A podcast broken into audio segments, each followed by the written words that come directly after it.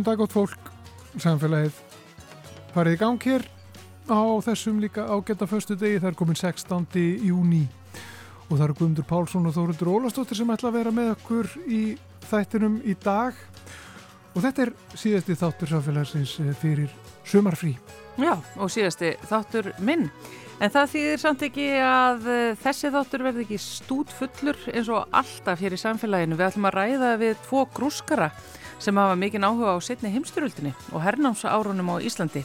Þeir hafa báði skoða döðsföll tengt veru setuleysins hér á landi. Gauti Páll Jónsson hefur skoðað sérstaklega bílslis tengt hernum. Þau voru fyrðu mörg og það dói bæði fullortnir og börn. Og Gísli Jökull Gíslason, laurklumæður, hefur leigið yfir gamlu málum, meðal annars máli ungrar stúlku sem lést í kjölfar árásar Hermans. Við spjöllum um grúsk og gömul mál, séði nýju ljósi hér og eftir. Við ræðum svo við samendalífræðingin Söru Sigurbjörnsdóttur í dýraspjalledagsins. Hún vinnur með sebrafiskum sem geta vist gefið okkur afskaplega mikilvægar upplýsingar um, ef vel gengur, hvort að það verði hægt að finna lif við slitgikt fyrir okkur mannfólkið. Já, sebrafiskum er ímislegt til listalagt. Það er allt hægt þegar vísindin eru annars vegar. Svo kemur hingað þín eina sann að vera Ylluadóttir í lók þáttar. Hún ætlar að segja okkur aðeins frá frændum okkar lemúrum. En við ætlum að byrja hvar, Þúrlur? Við ætlum að byrja á hernámsárunum.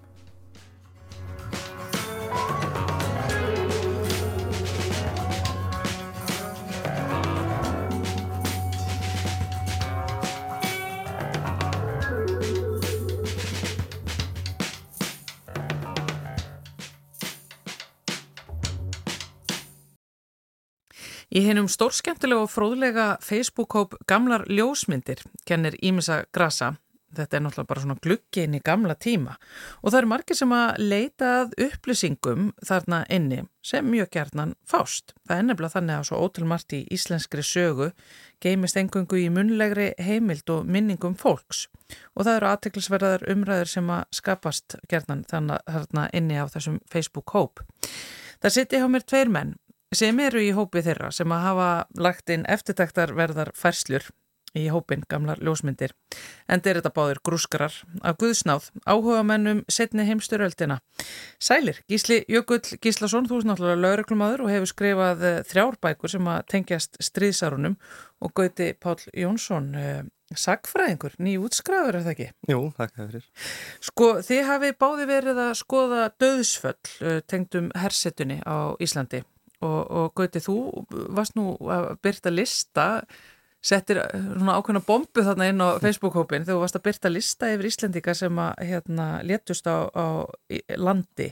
Hvað ert að skoða og hvers vegna fórst að skoða þetta?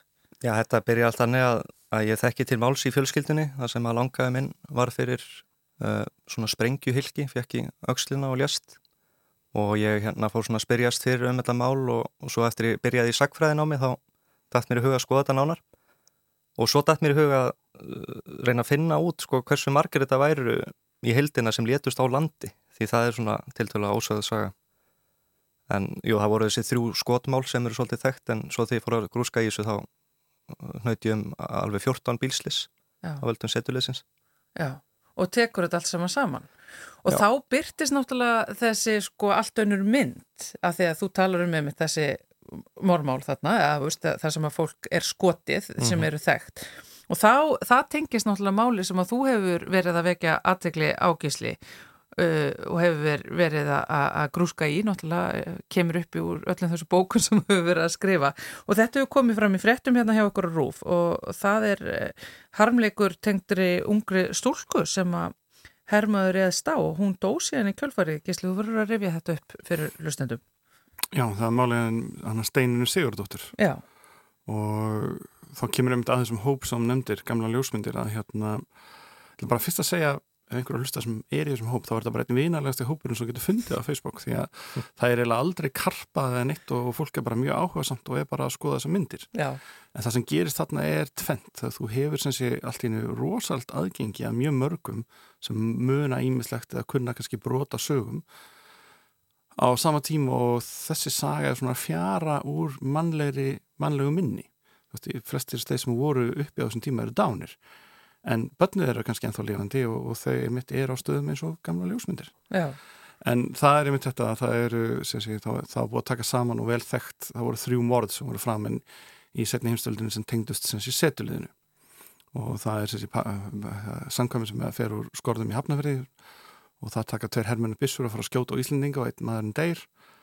Svo er það sem sé maður sem er farþegi bíl sem sinnir ekki stöðunamerkjum og hugsanlega sko, skaut hermanni farþegi hana því áttaðis ekki á því að Ísland á þenn tíma vinstur umferð en ekki hægri umferð. Ah. það er mögulega að tali sér að miða á aukumannin og síðan er það mál það sem að hérna tólvar drengur sem er að klifra á herbíl er skotin af hermanni. Já. Og í, þessu umræðu það kemur sér maður og einu er að vera alltaf verið sér akkur þetta ekki meira kent í skólabókum? En, en það var svolítið að horfa að setja heimstöldin eða svo fulla aðtökum að kannski eitt tólvar drengur týnir svolítið í hafsjó miljónar sem er að farast á þessum tíma. Já, en þá kemur kona fram og hún segir sem sé að í þessa upptalningu vandi þessa frængu sína. Og hún sem sé er þessi hún er kynslu sem að man ekki eftir þessu stúlku eða en hún hefur söguna frá síðan fóröldum sín sem þá voru dáin og sé, þau eru sískinni þessar, þessar stúlku. Og þá ferði í heimildavinnu og það sem tröflaði svo mikið þarna var það að hún deyri í april 1945 og það finnst ekki neyn árás nálagt þessu í tíma. En svo að þú ferði að sko dagböku lögurnar talsveit aftur í tíman og komin í september 44 að þá er sem sé hermaður sem ræðist á stúlku reynir að nöðgunni, veitir henni áverka með nýf, hún fer á spítala þá og síðan er blandað munmæla geimt og þessum örfa og skráðu aðtökum að hún er í raun og rúmliggjand eftir þennan aðbörð og alltaf hvart yfir hausverk. Og svo deyr hún, mörgum mánuðu setna. Mörgum mánuðu setna, en í dag í réttarfræði þá er það, aftur á mæti, er orsakasammingi átt þekkt að árast þarf ekki að leiða til dauða samstundis. Já. Og englendingar hafa gengið hvað lengst í þessu og þeir segja sem sé að á alvarlegu höfuáverki ef hann leiðir, getur leitt í dauða innan þryggja ára þá skulle fara með málið sem morð. Og þetta er nefnilega þessi aðteglisverðu umræða sem að skapaðist inn á, inn á gamla ljósmyndir, bæði hvað varðar steinunni, Lillu, Lillu sem að deyr þarna í, í kjölfara þessara árásar og síðan náttúrulega öll gögnum sem að þú varst að setja framgöti. Þetta með sko hvað eigum við að horfa á að það hafi dáið margir á Íslandi á landi af því við þekkjum mormálinn og við þekkjum sjóslísin en gauti ef þú getur aðeins farið yfir sko, eins og sérstaklega bílslísin hvað eru við að tala um mörg tilvik og, og ef þú getur svona lísta einstakatilvikum? Þetta eru, ég tók saman 14 mál en það verður bara að koma fram að þau geta verið fleiri. Eins og þetta voru 13 mál sem að ég fann úr dagblaða um fjöllun frá yfir þetta tímabil. En svo á þjóðskilasafninu, hann skoðaði náttúrulega mjög mikið að gögnum þar, þá rækst ég á eitt nafn sem ég hafði ekki séð áður og það var maður sem hafði látist í bílslisi en þá deyr hann akkurat þegar það er prentaraverkvall þannig að það var ekki tjalla um það í blöðunum og það og svo það var eindir annað prentaraverkvall á sama tímabili eh, aðeins fyrr, þannig að þetta er bara það eru fleiri mál sem geta geta leinst þannig sko. Já. og þetta eru, já, 14 einstaklingar þar að 5 börn undir 10 ára aldri. Já. Og yfirleitt er bara sagt mjög stutt frá hverju máli, bara hvað, hvað gerðist, var þetta breskur eða amerískur bíl og eh, já, þannig að þetta er og þetta er oft bara svona litlir dálkar bara í miðjublaðinu eða á baksíðu. Já. þannig að þetta er ekki, það fer ekkert mjög mikið fyrir þessu. Sko þetta er fimm ára tímabil og, og, og veistu eins og segir þú, þetta eru þessi tilvík 13 sem að þú Já, 14, fjór, já, 14 grefur þarna upp. Uh, gætu verið fleiri. Þetta eru þá herbifræðar eða, eða bílar og vegum setuleysins sem að keira þá á veist, fullorna og, og, og börn og sem þau deyja af. Voru bílsleys, veist, var þetta, var, er þetta svona sérstaklega hlutvarslega hátt tengdu setuleginu eða voru bílsleys algeng á þessum tíma? Það sem að vera að keira fólk innanbæðir þannig að það deyr? Ég mitt þarf bara að skoða það betur því að það, það skilst að sé ekki til gögn yfir heldafjölda bílslisa þannig að það bara skoða það handvirt bara eins og ég er gert með þessi bílslis Já. og það er bara verkefni sem er að ráðast í. Meistarreitgerðin Mér langar aðeins að koma inn þarna því að þarna er hún hétt, það var kona sem var læknir á þessum tíma, hún hétt Kristín Tórótsen getur verið. Mm -hmm. sem var mjög framalega í umbútum í samfélaginu. Hún meins að gerði það fyrir stríða, hún reyndi að aðstóða börn gýðinga til að koma til Íslands sett í fústur ég er ekki 100% nafn hennar, minnum hætti Kristinn Tóruðsson en ég get alveg fletti upp. En ég man að það er til umfjöllun um hana það sem hún er að fjallum sko að það verða að setja leikvelli í Reykjavík að því það sé orðin svo mikið hætta með börn út á götum og umferðin sem er að breytast. Já, já, já. Þannig að það er eitthvað sem er alveg samtíma... Það voru börn að leika sér sem dói alveg. Já, og það er alveg, þú þú sér það í samtímanum þá er fólk að horfa á að það þurfa að finna lust til þess að fá börnin af götunum að því að bara umferðin er öll að breytast og það er svo mikið að breytast í samfélaginu þessum stutta tíma. Svo, svo eru tveir á, á reyðhjóli en flestir aðrir gangandi minni mig. Mm. Og, Þetta er sko, veist, og þú tekur saman hérna 43, það er 5 ára gammal drengur á Kaplaskjólsvegi, verður fyrir herbifreið, uh, eh, 4 ára gömul stúlka á Langkólsvegi, verður fyrir herbifreið. Veist, það sem ég er einmitt að reyna, veist, það sem að vantar einmitt í þetta og þetta er einmitt allar þessar sögur og þessi mynd sem við viljum fá núna er bara, voru bifræðinar að kera hratt, voru þeirri útkalli, hvernig virka þetta, einmitt þetta með bara börnin ástæðan fyrir því kannski að börnum voru út á götum var bara því að það var eina leiksvæðið. Þetta er, svo, þetta er, þetta er eh, höfborgarsvæði gamalla tíma sem að maður bara hérna, við erum náttúrulega bara og hung til þess að þekka en, og fólki sem að mann eftir þessu það er bara, það er að deyja.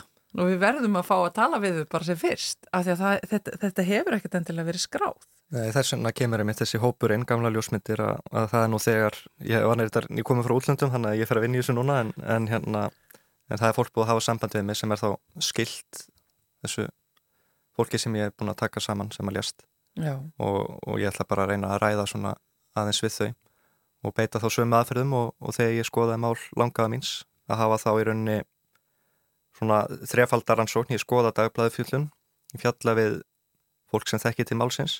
Ég vil þótt að sé mm. fætt lungu eftir að málið á sér stað þá lifir einmitt sagan í fjölskyldun eins og í málinu sem að Gísli Jökull skoðar.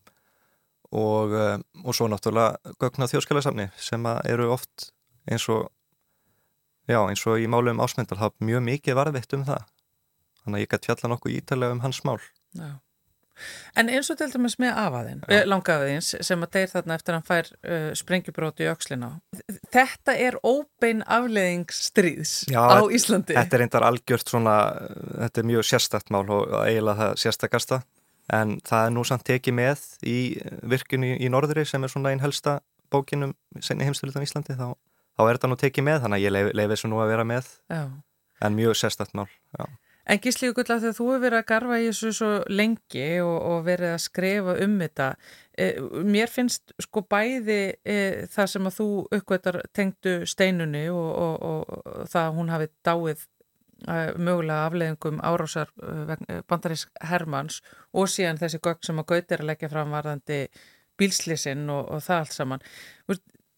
Við erum ekkert menn en heldar mynd. Það er greinilega ekki búið að klára allt grúskið og alla sagfræðin og, alla, alla, og, og, og er, við, er, er tímin að renna út? Ég fæ það svolítið á tilfinninguna það sé bara núna verðum bráðum bara oflant um liðið. Já, það er svona skiptir mjög mjög máli eins og það sem Gauti er að gera þú veist að þú ert að taka saman í raun og veru bara upplýsingar þannig að það séu varðveittar í einhvers konar heildrænu samhengi. Að það, það, bara, er, það er verður mjög mikilvægt að gera það líka. Ég veit út líka sko að það er loftára sér á Ísland á þessum tíma sem að eru til umfjöldun hinga og þangað en að það skulle ekki verið einhver hafi sest niður á einhvern tímúti og unni kerjuspundi úr þessu. Og þegar ég byrja að grúski þessu þá var það bara einskerum áhuga. Það ég sá aldrei fyrir mér að ég myndi verið eitthvað sem að myndi draga upp sögur sem að hefði aldrei verið sagðar eða komið nýjar upplýsingar inn í, inn í þessa sagfræði en það er, ef, ef þú sann skoðar aftur í tíman þá er einmitt virkið í Norðröði er mjög fín bók. Og svo hefur Þóru Vætættur af henni og Freyþór Eidal en þetta, við höfum ekki gert þessa sögu upp á neitt sko svona heildrænan hátt og kannski bara ágætt að vita að einhverju var að taka við kjapleinu og, og fylgiði síðan áfram. Já, já, ég ætla, ætla að skoða þetta betur. Ég ætla bara eh, þegar það kom í ljósa þetta væri miklu, miklu meira en, en mér kannski óraði fyrir það þá kveiknar áhuga að halda áfram. Já, en, en mitt því tengdu, hvað er það samt að því hér eru með uh, tvo ólíka leikmenn uh, í þessu grúski, en hvað er það við hernámsárin og, og Ísland sem er svona afskaplega, dregur ykkur svona að þessu? Já, hjá mér var það náttúrulega þessi Já. tenging við, við langaðaminn og, og hvað það máli er í rauninni óljóst og sérstækt og, og svo bara eins og það stóð nú í bókum að hann hafi verið skotin í brjóstið, einhver stað stóð hann verið skotin í höfuðið, svo fæ ég einhver skýslur og var skotin í auksluna þannig að þetta var svona allt mjög óljóst og ég vildi bara svona átta mig á því máli sérstaklega. Og í framaldinu þá bara finnum maður hvað margt sérstakt átti sér stað á þessum tíma. Og það er einmitt svona eitt sem ég veld mikið fyrir mér, það er á, á svona miklum ófríðar tímum svona samfélagslega upplöst hvort að hérna, hvort að ymsir svona förðulegi hlutir þeir kannski að líklæra að þeir bara lendi undir móttunni mm. af því að það er, svo, það er svo margt annað sem er kannski stóra samingunni stærra í gangi að þá eru svona þessi atvika þau, þau kannski glemast Já. Þetta tímbil náttúrulega er svo brjálaðislega mikil saga og setni heimstöldinni hilsinni það er það er hlutinni gerast í, svo yktu magni á svo stuttum tíma það er eiginlega ekkit sögulegt tímabil nær okkur sem að líkist þessu á einn einasta hátt. Þannig að það er mjög eðlert að fá svona áhuga á henni út frá því og enda sérsta bara mjög vel á, á útgefnu bókum á heimsís og annað. Veist, þetta tímabil fær rosalega mikla aðtegli að með mörgunum tímabil fá mjög litla aðtegli en fyrir Ísland skiptir þetta tímabil okkur talsett miklu máli því að þarna förum við úr því að vera bara eitt af fátökustu þjóðuríkjum í Evrópu yfir það að vera velmögunar samfélagi lókstrísins því að ólíkt nánast öllum öðrum þá var þetta mjög gott stríð fyrir Ísland í heilsinni mm -hmm. þó svo að það sé vissulega mannlegir harmleikar, mannlegur harmleikur inn á milli og fólk sem dó sem hefði aðlangt fyrir tíma sinn að þá fyrir þjóðina og, og framtíð Íslands þá er þetta bara mjög gott tímabil fyrir okkur. Það er kannski akkurat út af þessu sem er allt satt og rétt að, að þetta hefur ekki ekki verið rættins mikið Nei, þetta er ekki, ekki harmlegt tímabili í sjálfu sér Já, já, já, en það eru einmitt svo marga sögur þarna þess vegna til dæmis er svo verk ekki að begja eru því að þið leggjum þau fram að ég verði bara að byttu hvernig getur við bara verið að komast að þessu núna? Akkur eru við bara að ræða þetta fyrst núna? Ég er undan með smá skýringu á því að sko við erum komið það fjallagt þessu tíma að við horfum kannski á þetta og höfum bara áhuga öllu. Ja. en ef þú varst uppi á þessum tíma og þú varst kannski brakkabann þá var það skömm og það var ekki rætt. Eða þá að sýstíðin dó að því að hermaður enda nöðgunni, þá var það skömm það er ekki rætt. Er, skömmin samtvinnast svo mikið í þetta. Og ef þú horfur á samtíma fólkunum nú er komið bara, næstu komin 80 ára stríðslókum að við horfum á tímabilið eins og með bara braggana og, og hvernig svona fólk við horfum fólks til þeirra sem voru kannski börn sem voru fætt á hermönum þá þeim tíma þá var bara algjörlega litið niður á þetta fólk nánast sem annars flokks. En í dag horfum við meira á það að það hafi verið meiri grimda hendi íslendinga gagvart þessum börnum sem hefði ekki til saka unnið að hann að fæðast.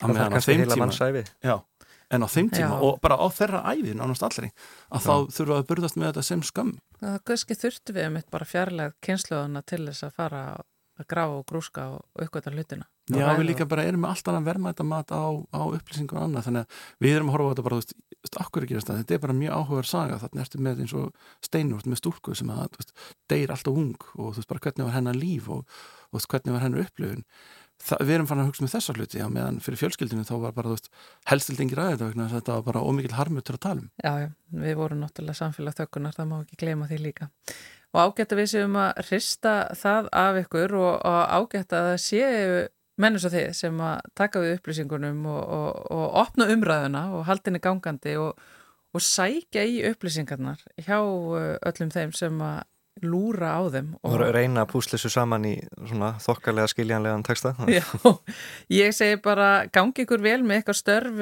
hvert lustendur til þess að vera inn, á, inn í þessum frábara Facebook-hóp gamlar ljósmyndir og ef þið vitið eitthvað í Guðsbænu segið frá því eins og heyram á hér, það eru menn sem að vilja taka við þessu. Gísli Jökull Gíslason, laurglumæður og, og reytöfundur og grúskari um setni heimsturöldina og Gauti Pál Jónsson sagfræðingur, hlakka til þess að lesa meira eftir því framtíðinni. Takk hella fyrir kominu hinga í samfélagið. Takk fyrir. Takk.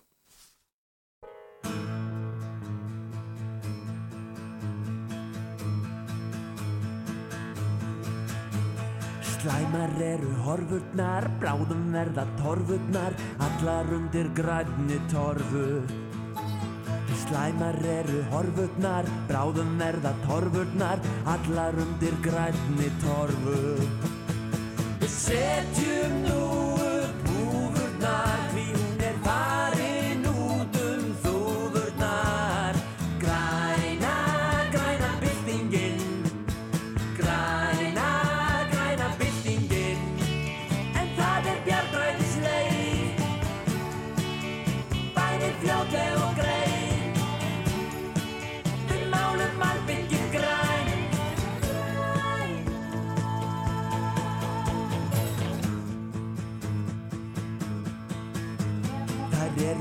margar nefndirnar, furning er með endirnar sem sumir lofuðu sumum.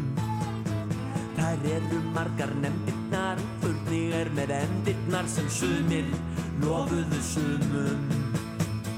Setjum nú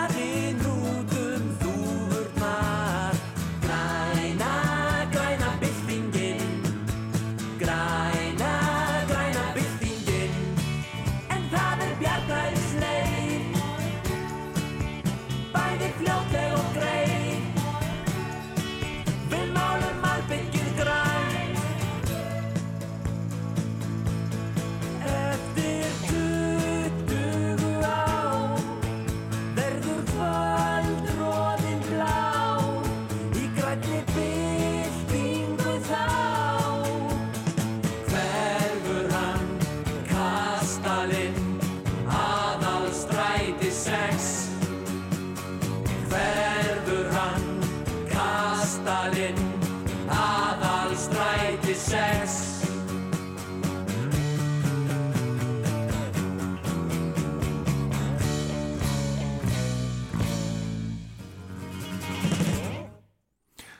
Valger Guðnarsson og eh, félag hans í spilverki Þjóðana græna byltingin. En fiskar eru næstur á dagskrá. Og þá komið að dýraspjallinu hér hjá okkur í samfélaginu. Þetta er fastur liður sem að við höfum verið með hjá okkur um nokkuð tíma. Við setjumst á niður með okkar helsta náttúruvísendafólki og fáum að forvetnast um hvað þau eru að skoða, rannsaka, þekkja og vita um og það er nú aldeilis mjög mikið eins og tyggir hlustendur þekkja. Hjá okkur er, í dag er Sara Sigurbjörnsdóttir, lektor í samenda lífræði við líf og umhverfisvísinda deild Háskóla Íslands. Sælvertu, Sara. Takk. Eh, Sara, ég veit að, að sko samenda lífræði er afskaplega flókin vísindagrein og, og þú er kannski ekki svona augljós eh, kandidat til þess að vera að segja okkur frá einhverjum dýrum En dýr eru samt sem áður eh, eitthvað sem að þú notar tölvert í þínum rannsóknum skilsmér. Já, akkurat. Uh, við höfum verið að nota núna í rannsóknum okkar við Háskóli Íslands sebrafiska í, sagt, til að rannsaka slitgikt í mönnum uh, og fyrir það uh, var ég að nota ávakstaflugur til að rannsaka loftakerfið í þeim. Þannig að ég hef svona breiðan bakgrunn í kannski nota dýr sem tilrauna lífveru. Mm. Um, en í dag er við helst að nota þá sebrafiskna til þess að rannsaka slitgekt á samt því að nota þá svona frumu mótel eins og músa frumulínur og manna frumulínur í þessar rannsóknir. Já, þannig ertu nú að segja þessi skrítnu orðu öll úr samvendalífræðinu sem að svona flestir kannski ná ekki hausnum á sér að, utanum. En Sara, e, slitgikt og sebrafiskar, e, hvernig er hægt að tengja þetta í einhverjum rannsóknum sem að eitthvað fungerandi á að koma út? Já, akkurat. Um, við einmitt fórum með sebrafiskina á vísendavöku Rannís um, í fyrra og þá var ég mitt spurðað þessu bara hvernig er hægt að rannsaka slitgikt í sebrafiskum fá þeir yfir höfuð slitgikt og nú veit ég ekki hvað sem ekki hlustendur vita um slitgikt en það er sem sagt sjúkdómur í liðum mm. þegar að brjóskið byrjar að eyðast og að lokum hverfur þá kemur bólka fram og mikil þásöki yfir hreyfingu helsti svona áhættu þátturinn í þessu eru aldur, erðir og svo álag. Þannig að ef, ef að fólk er mjög þungt eða það er mjög ítrygguð þung kreyfing eins og hjá afreiks íþróttafólki, Mhm. að þá getur e, liðurinn farið að eyðast. Og það er mjög sásökaföld. Fiskar synda um í sjó eða vatni og verða kannski ekki mikið fyrir slíku álægi. En rannsóknir hafa sínt að það er hægt að framkalla slitgikt í sebrafiskum með því einfallega að stökk breyta ákveðnum genum sem hafa verið tengt við slitgikt í mönnum. Þannig að ef við vitum að eitthvað ákveði gen veldur slitgikt í mönnum og þá hægt bara búa til samskona breytingu í sebrafiskunum og þeir sína enginni slitgiktar. Sko, sebrafiskar eru samt rosalega litlir fiskar. mjög svona litlir fiskar, 2-4 cm lengt, þeir eru sko fullornir. Mm -hmm. Um, þeir koma frá hérna Suður Asíu, eru ekki landlægir á Íslandi, þeir lifa við cirka 28 gráður, eru ferskvatsfiskar og þeir eru svona einkennandi í útliti, þeir hafa svona svarbláar rákir, svona um, þverrákir. Og þaðan kemur nafnið, það er svona þetta er sebrafiskar, þetta er svona líta út, svipa eins og sebrahestar. Um, en þeir eru mitt syndaðum í vatninu og er ekkert með, verða ekkert fyrir miklu álægi. En erðaefnið í þeim er mjög svipað og í okkur. Þannig að það er svona helsti um, þátturinn sem að þarf að vera til staðar til að geta nota einhverja lífveru í rannsóknir að það þarf að vera einhver svona um, sambarileg gen sem að stjórna sambarilegum ferlum og þá getum við notað það. Þetta er svo magnað að því að skildleiki minn við, sem mannesku við sebra fisks er ekki, fisk er ekki augljóst fyrir Nei, mér en þetta er greinlega nóg til þess að þið geti þá stökkbreytt því sem að þarf að gera, komið í fyrir í þessum litlu kvikindum og fengið þá út úr því upplýsingar um og hvernig slitgekt hegða sér í okkur mannfólkinu. Já, akkurat.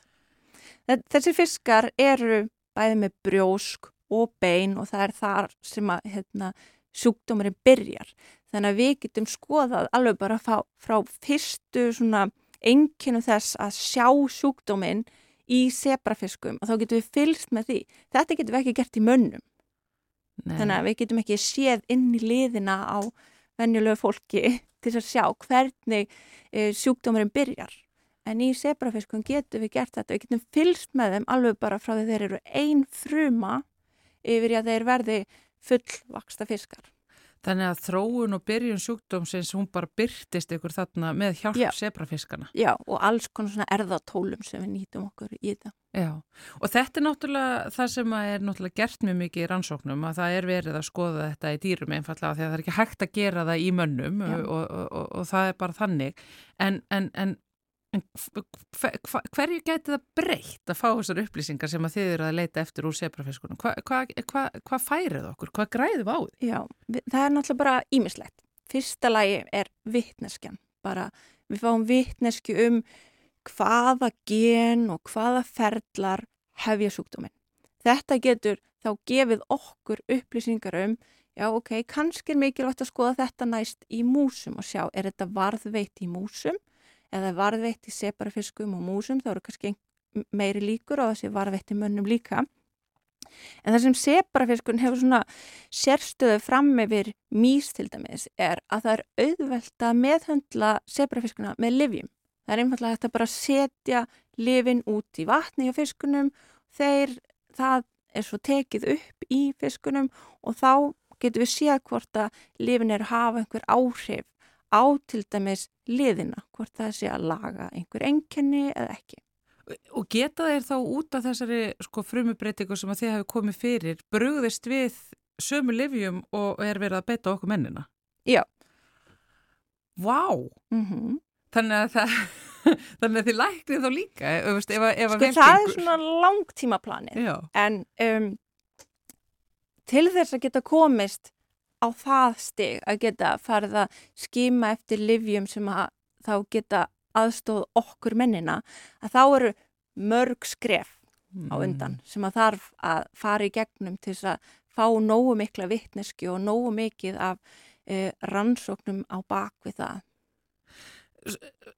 Sko ég veit að maður náttúrulega aldrei að spyrja náttúruvísinda fólk og alls ekki ykkur samendalífræðinga að þessu en hvað eru við að tala samt þá um veist, mörg ár í það að, að möguleg loka afurð af þessari rannsók þinni geti komið upp sem að væri gott slitgektar lif Já. spyr ég fyrir slitgektar fólki Þetta er mjög flókin spurning. Því að uh, eitt sem að svona mér finnst frábært við svona að nota sebrafiska til þess að meðhendla með alls konar svona livjum og skoða hvað áhrif það hefur er að það er hægt að nýta eldri liv eldri liv sem hafa verið notuð kannski gegn einhverjum öðrum sjúkdómum er hægt að skoða hvort að þessi liv sem eru nú þegar á markaði Já. hvort að þau hjálpi til Já. við að lækna sjúkdómin eða minka einkenni sjúkdómsins. Og þetta er náttúrulega gert svo rosalega oft í bara lifjásögunni að, þetta er alveg þekkt. Já. Við erum yfirleitt búin að finna algengt. upp lifið, við höfum bara ekki beitt því á ákveðin hátt Já. áður. Já. Algjörlega. Og það, þannig að það svona, geti það þá flýtt fyrir þessu eða... Þannig að ef að við varum eitthvað þannig liv þá þarf ekki að finna markað, þá þurftum við ekki að fara Já. í livja þróunina og sína fram á um, hver upptaka livsins er í manninum og hvað aukaverkanir koma fram. Það er búið að gera þær ansóknir. Já, þannig að þetta er svona, já, þannig að Þannig þú veist ekki alveg sko Nei. hversu langan leik þú ert að leika í rauninni. Nei. og enda er það ekkert endilega alltaf takmarkið að finna eitthvað ákveðið liv sem að gera eitthvað. Heldur gætu við líka bara vilja vita veist, hvaða gen er að hafa áhrif og þá, jú, vissulega getur að hjálpa til við að þróa ný liv. En bara þessi vittneskja, hún er svo mikilvæg til þess að koma í veg fyrir sjúkdómana Já, já. og svona annars líkt. Sara, þetta er náttúrulega, og kannski ekki eitthvað sem þú áttaði að alveg á, þetta er náttúrulega rosalega skrítin vinna, geti ég ímyndað mér. Þú veist, ég meina fyrir allan þorra almenninga, þú veist, þú ferði vinnu og, og, og ert einhvern veginn að frumubreita einhverjum smáfiskum sem að flestir kannski sjá aðalega bara í einhverjum fiskabúðum eða fiskabúrum eða bara alls ekki og, og, og síðan ertu að gera alls konar einhverjar rannsóknir og er Já, fyrir mér er þetta bara mjög eðlislegur hlutur en ég er náttúrulega með stort teimi líka á bakvið mig. er, veist, ég, ég er ekki að vinna þessu ein, við erum hópur Já. og ég er með doktorsnema og meistarnema sem eru að vinna í þessum sebra fiskaransóknum og þau eru þá að búið til svona stökkbreytta sebrafiska og flúrljómandi sebrafiska þannig að þeir eru með svona flúrljómandi gen í sér uh, og svo eru aðrir nemar sem eru að vinna með músafrumurnar og mannafrumurnar og framkalla ákveðna stökkbreytingar og prófa alls konar lif í þeim líka. Þannig að Þetta er, allt, þetta er allt einhver svona varða á ákveðni vegferð. Já. En finnst þér kannski einmitt eh, veist, verand, en, en að vera verandi samendalífræðingur, finnst þér samt aldrei frústrandi hvað öll ferðalög sem að þið leggið upp í ykkar rannsóknum eru löng? Að þið getið aldrei einhvern veginn bara svona startað einhverju og klárað það á góð einhverju svona. um, við náttúrulega skiptum þessu yfirleitt upp í svona minni Já, já. skilgreindari þætti og Mhm. það er mjög mikilvægt til þess að sjá bara og gera sér grein fyrir því hvenar ákveðnum, ákveðnum þætti er lokið og svona, þannig að þetta er allt svona ákveðin skref og þetta er bara eitt skref í einu. Já. En ég minna skálar samt ekki þegar og ef þetta slitgektarlif sem að byggir meðal annars á þínu rannsóknum kæmi út og, og, og fólk væri farið Jú. að geta tekið það. Það verður náttúrulega frábært. Það verður frábært. það verður mjög frábært, já. Já. Um, vonandi gerist það í daginn. Já. En gæti það þá orðið þannig að, að þessi sebrafiska slitgektar rannsókn sé æfistarfið þitt? Já, mögulega. Það er bara erfitt að segja til um það því að það gæti bara á morgun gæti fengið einhverja nýja flugu í hausinn og tekið einhvern svona annan vinkil á að rannsaka þetta. Um, þegar ég ákvað að fara út í að rannsaka um, slitgekt með og nota til þess sebra fiskana að þá var það bara eftir svona ákveð samtal við samstarfsmann minn og hann svona já, akkur ekki að bara skoða þetta í sebrafiskum og ég bara, já og ákvað að prófa það og ástæðan fyrir að það var hægt er svo að í háskólanum í Reykjavík að þá er rannsóknustofa sem er með sebrafiska aðstöðu þar Já.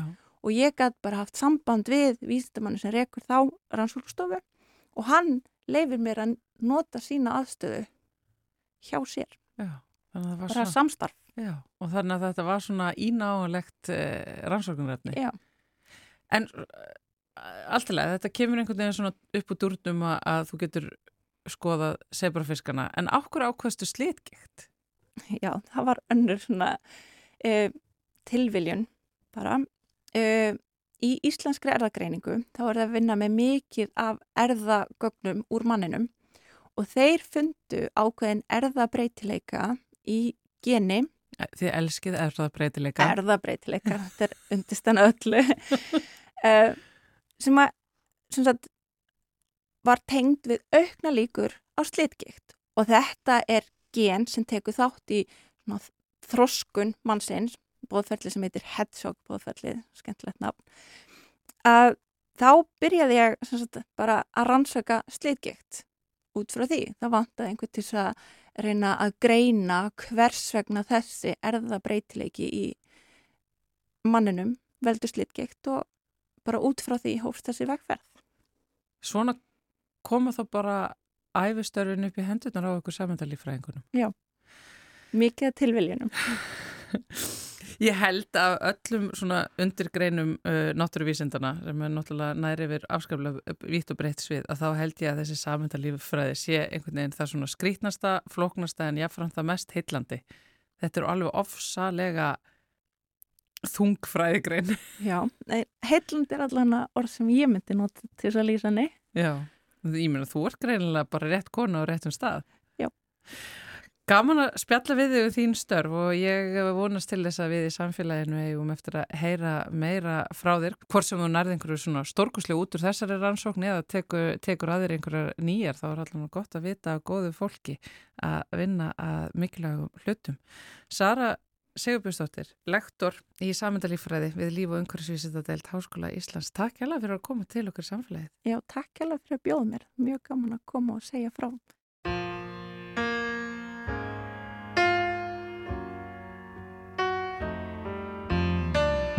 If you search for tenderness, it isn't hard to find.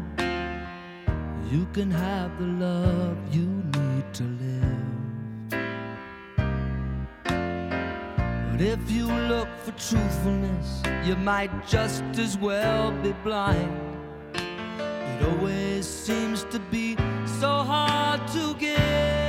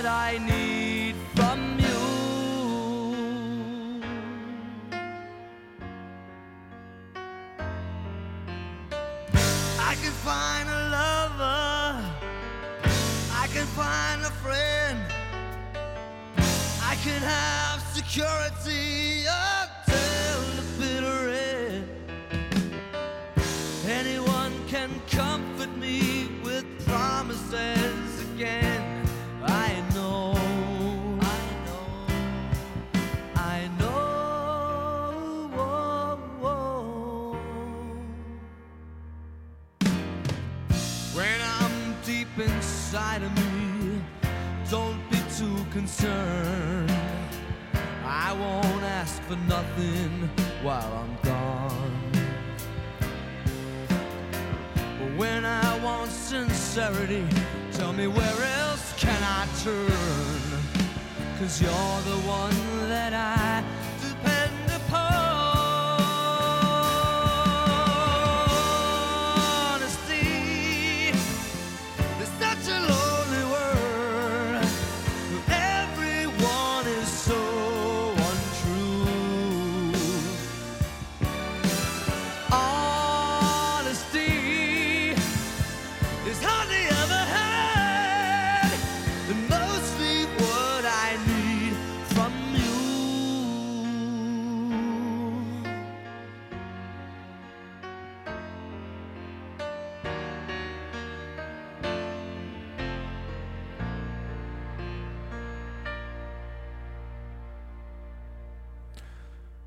Billy Joel.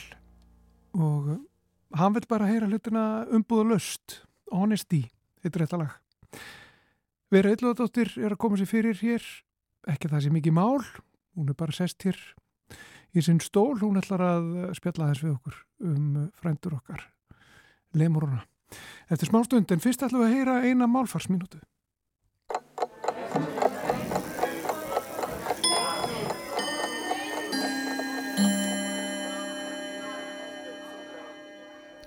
undanförnum árum hafa verið búin til ný persónufornöfn, auk þess sem eitt eldra fornafn hefur verið endurtúlkað sem fleirtala með eintölu merkingu.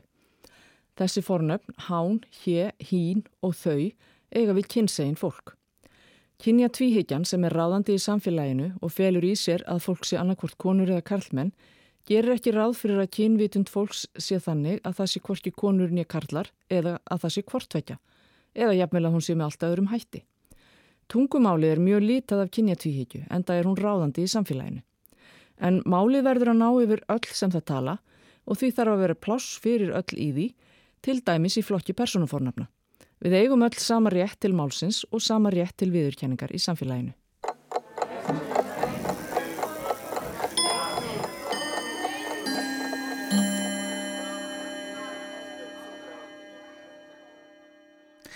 Málfarsmínúta þarna baki með málfarsráðunut okkar önnu Sigri Þráhansdóttur. En þá er uh, komið að uh, mjög svo skemmtilegum lið sem Já. að kemur stundum upp á hér í samfélaginu. Þetta er ákveðin hápunktur Þetta er vissulega ákveðin minnstu hápunktur. kosti þessara viku Já, ég myndi nú segja það. Ég hef ekki bara ársins vegna þess að vera eitthvað er sest hérna hjá okkur og hún ætlar að tala við okkur um lemúra það er uh, það, þetta er sko almennilegt, þú ert ekkit að ráðast á garðin þar sem hann lægstur í dag Vera. Nei, svo sannarlega ekki. Ég ætla að tala hér um uh, eina ákveðina lemúra tegund. Lemúrar frændur okkar eru þetta margir og ólíkir. Það eru hundrað og eitthvað lemúra tegundir og uh, stærsta uh, tegund lemúra er indrin, svo kallaður. Uh, sem að þeir eru verða um 70 cm langir, 10 kg að, að þyngd og eru svona svartir og hvítir og mjög stæðilegir eins og, eins og eh, þið sjáðu þessari mynd sem ég hef meðferðis. Og búa í, í trjám á norðaustanverðri Madagaskar. Og uh, mjög merkileg skepna sem sé stærst. Og kannski ekki síst vegna hljóðana sem að indrarnir gefa frá sér. Þeir syngja, geti sagt, mjög hátt og, og skilmerkilega.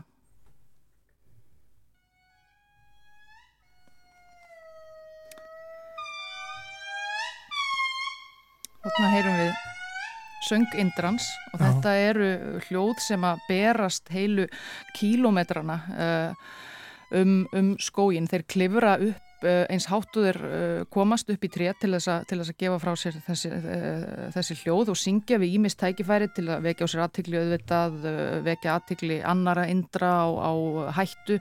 Og svo syngja þeir alltaf á hverju modni svona morgunsöng indrans og, og hefja yfirleitt þann söng svona um sjö og syngja þá fram til uh, 11 og þetta er uh, með það, já, já, það er alltaf þannig. Já, það er alltaf þannig. Já. Þetta er með háværustu og, og, já, söngelskustu prímata tegundum fyrir utan uh, okkur mannin og því hafa hljóð þeirra verið talsvært rannsökuð og uh, má til dæmis nefna að uh, að uh, ein lemurategund sem er náskild indranum og sumulegðis uh, hávær, það hefur verið rannsakað að, að uh, þryggja mánaða gömul börn. Þau sína svipuð viðbrögð þegar þau heyra hljóð úr þeir, þeirri lemurategund og þegar þau heyra mennst mál sagt, frá fólknum sínum þannig að þau bara ná að greina að þetta er einhvers konar, einhvers konar frend okkar og sína sem sé viðbröð en síðan um svona sex mánuða aldurinn þá hættir þetta og, og börnin fara að fókusera meira á, á hljóð úr, úr mönnum frekar en öðrum prímatategundum.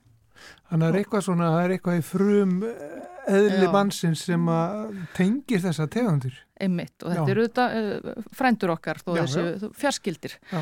og væri kannski hægt að hætta, hætta þjálfa lemúra sem, sem barnapýur eða, eða eitthvað svo, eitthvað svo leiðs fyrir, fyrir mjög ung börn ef að þetta er, er raunin. það væri náttúrulega frábært. Vittlusur hlutir hafa verið gerður sko. En síðan er uh, ítalsku vísindamæður sem að varið hefur undanfarnum 12 árum við að hlusta á söng uh, Indrans, taka hann upp og, og, og greina. Og uh, hann hefur komist að því byrti niðurstuður í vísindarétti að uh, ekki nómið að hann syngi svona fallega þá er hann með uh, rithma. Það er Já. sem sé að greina takt í, í, í söngnum og eh, það er mjög merkilegt að því við þekkjum í raun ekki mörg dæmi um að það sé taktur í svona þeim hljóðum sem að, sem að dýr önnur en maðurinn gefur frá sér eða að dýr geti í raun og veru síni, síni mikil viðbröð við, við takti. Kannski einhverjir sem að mun eftir eh, myndböndum og YouTube af, af Páfagauk sem að dillar sér í takt við Backstreet Boys. Já. og það eru svona nokkur svo leiðstæmi, það er líka Sæljón í, í Kaliforníu sem að var kenta að, að, að eh, vakka í takt við Creedence Clearwater Revival og eitthvað svona, þetta eru mjög fádæmi og, og, og, og en þá færri um að dýrin sjálf búi til taktin. Og eh, við skulum við getum heyrt bara uh, dæmi um það sem á að vera indrataktur.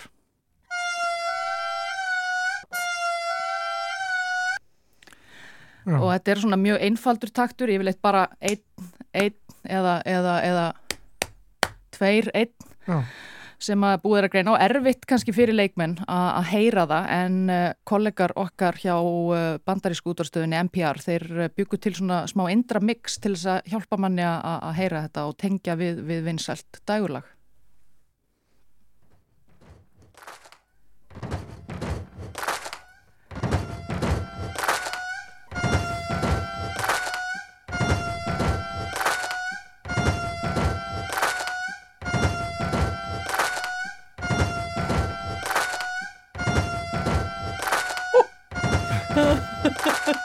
Já, já, glöggil hlustundur, voru þið ekki öruglega með að reyna hvaða lag þetta var? Þannig fólk fara að söngla með We Will Rock You vendana. Jú. Já. Já, þannig að sem sagt uh, stórhljómsutin Queen sem að gerði Garðin Frægan meðal annars með uh, We Will Rock You það sem sagt er tengt uh, frænda okkar, indranum, frænda okkar, staðar í, í svona þessum frumskildleika okkar Já. og þetta er auðvitað mikilvægt framlag í rannsóknir á þróunarsögu tónlistarinnar og hvernig þetta uh, varð allt saman, saman til og sumulegðis auðvitað á atferðli, atferðli þessara, þessara frábæru skefnu, indrans Já. Já. En sko, þú segir að uh, hann syngur lengi, syngur eiginlega bara hérna, meiri hlutadags og, og hérna, þetta fer upp í trjákronurnar og þetta berst Víða berstlangt. Fer einhverjum sögum að því um, hversu vel uh, hérna, þessum uh, söng og takti hans er tekið af nágrunum hans, eh, bæði úr dýraríkinu og, og mennskum náttúrulega? Já, ég hef uh, lesið eh, svona lemur af fræðinga sem að kannski fyrir utan þá sem að sérhæfi sig einmitt í rannsóknum að þessu eru kannski ekkert uh, mjög svona hryfnir á því að, að hlusta á þetta klukkustundum saman held ég að megi, megi fullir það en því miður þá er það nú líka svo að indrin er í mjög mikilli útrýmingarhættu og þá er einungis að finna vilda á mjög afmörkuðum svæðum í skóum Madagaskar og ekki nema eitthvað um 10.000 einstaklingar eftir þannig að uh, því miður heyrist kannski ekki eins mikið af þessum fara söng eins og, eins og uh, ætti að vera og hefur einu svona gert Já. E eru leimurar, eru flestar leimurategundur, eru þar þar? eru þar víðar? Uh, þær eru allar á Madagaskar Þær eru bara allar þar Og, og mjög margar í útrýmingarhættu eins og eindri næ, Nær allar held ég í útrýmingarhættu því miður ímsar hættur sem að stæðja lemurum þessa heims en, en ég hvet fólk til þess að kynna sér uh, svona lemur að vernd. Já, þú Það er hægt að taka þátt í því. Já, það er hægt að er að- það er hægt að ætleiða lemúra þú hefur hér og þar um heiminn og ég hef ætleitt einn pínu lítinn músalemur sem er minnsta lemúrategundin og er bara á stærð við, við mús miklu minni en, en indrin fagri og gefur ekki frá sér sömu, sömu hljóð. Já, Hva, hvernig líður uh, músalemurnuðinum? Henni líður bara ágæðlega held ég. Já, þú farið að Ég fæ reglulega fréttir á jólum svona eins og, eins og, eins og barn hjá uh, barnaþorpið eða, eða slíkt. Já, þetta er frábært. Ég hef einmitt velti verið með varðandi sko, þú veist, og, að því að þú hefur fyllt mig mikill andagift með áhuga þínum á lemurum og, og, og þegar þú ert að segja okkur frá þessu, og, veist, ég held að ég láti bara vera af því núna að ætliða lemur og Og hreinlega eftir þetta hérna þá hugsa ég að það hljóti að vera indri ef Það- er hægt að fá að að- ætla, ætliða hann. Ég veit ekki betur en að hægt sé að ætleiða indra Já, líka. an- Annars held ég bara Og að það verður bara með. fara bara beintin í Madagaskar og friða eiginu í heilsinni. já, emmi. Bara ætliða hann alla. Já, en, en það er ekki enn að finnast nýja tegundur eða það. Þó, þó, það er nýlega að hafa fundist. Já, er ekki? það er, það, þetta eru vísindamenn eru þetta stundar rannsóknir og stundum eru þeir að greina nýjar tegundir með rannsóknum, tegundir sem áður, uh, fólk held áður að, væri kannski sama tegundin, uh, greinist niður í tvær eða, eða jafnvel fleiri þannig að það er svona á, á reiki nákvæmlega hvað lemurarnir eru margir en svona hundrað og uh, tveir, þrýr, fjóri, fimm eftir því hvernig maður hvernig maður reiknar og hvernig maður telur og, og, og svo framvegis og, og uh, alltaf yðurlega berast fréttir af, af uh, nýjum lemurategundum og uh, spennandi lemura rannsóknum en því miður fylgir alltaf sögunni að, að dýrin séu í, í þessari útrýmingarhættu.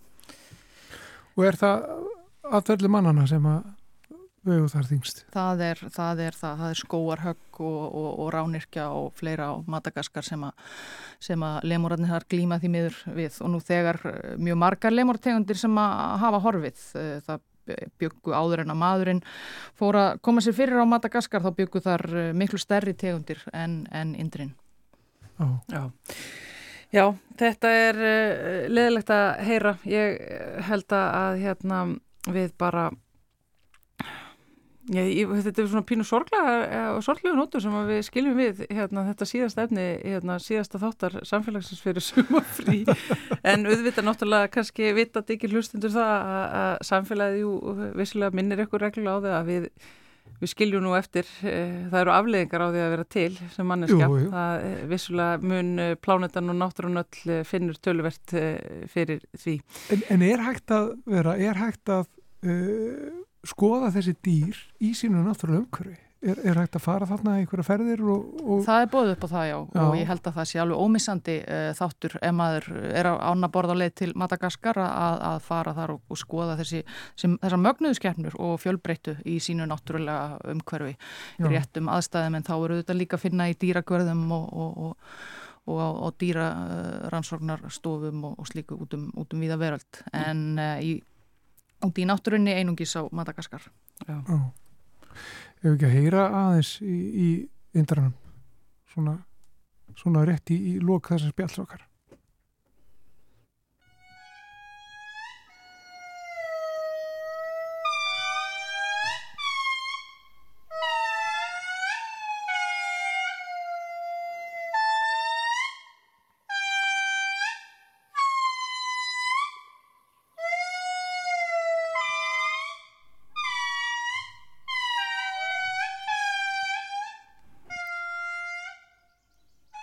Þetta er fallegt. Já, þetta er fallegt Já. Það er svo, svo ótrúlvart í náttúrunni Fallegt að fara með þessi hljóðin í helgina. Já, og sumarið Vera eitthvað kæra þakki fyrir komuna Takk fyrir mig. samfélagið. En uh, við fyrir nú að ljúka þætti dagsins og uh, þetta er síðasti þátturinn okkar fyrir sumarfrí. Já, Þetta eru líka ákveðin tíma mútt Þóruldur Ólastóttir vegna þess að við erum að, kveðja þig í dag. jú, mikil ósköp Uh, Ég vildi bara segja ykkur frá því að ég er að hætta á RÚF og Rás 1 ætla að flytja og búa í útlöndum næsta árin. Ég verð eh, nálagt Madagaskar aldrei að vita nema ég kíkja á Þú gerir en það. hér skilja því leiðir og við vitum náttúrulega ekkert hvað verður setna meir en ég vil bara nota tækifærið og þakka hlustendum fyrir að vera með og vera forvitin og kröfuhorð og þakka viðmælendur samfélagsins fyrir að koma og segja frá. Og svo vil ég þakka samstagsfólki mínu og rása eitt. Engum þér vera og auðvitað þér elsku guðmundur. Og ég ætla líka að senda hverju á Leif Haugsson sem er í draumalandinu og alveg öruglega að hlusta. Takk fyrir mig, takk fyrir okkur.